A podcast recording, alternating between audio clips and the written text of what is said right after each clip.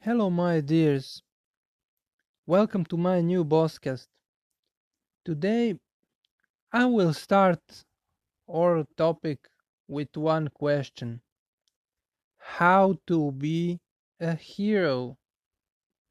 So, how we can be a heroes? I think that we can be a heroes just growing up because nobody is born like hero, so you can just be hero. Go and do it. Go and do it, be hero. Don't be afraid. It's very hard to be hero now in our present. It's very hard to be a fu- stupid hero.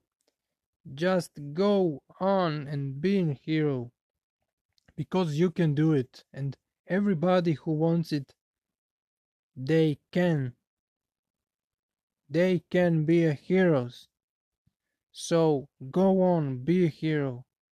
I wish you so much luck and love and happiness. Be a hero. Goodbye. Love you all. Ciao. Au revoir. Zdravo